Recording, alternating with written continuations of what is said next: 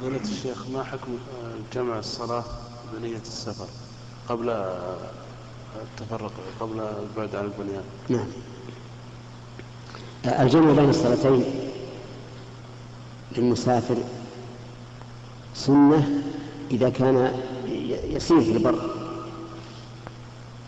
وجائزة إذا كان نازلا في البر.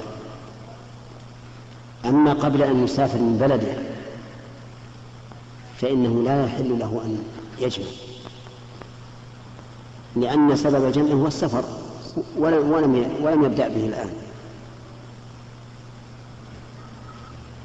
فلا يجوز أن يجمع إلا إذا إذا خرج من البلد.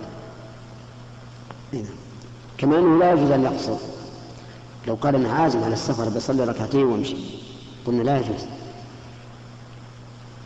نعم.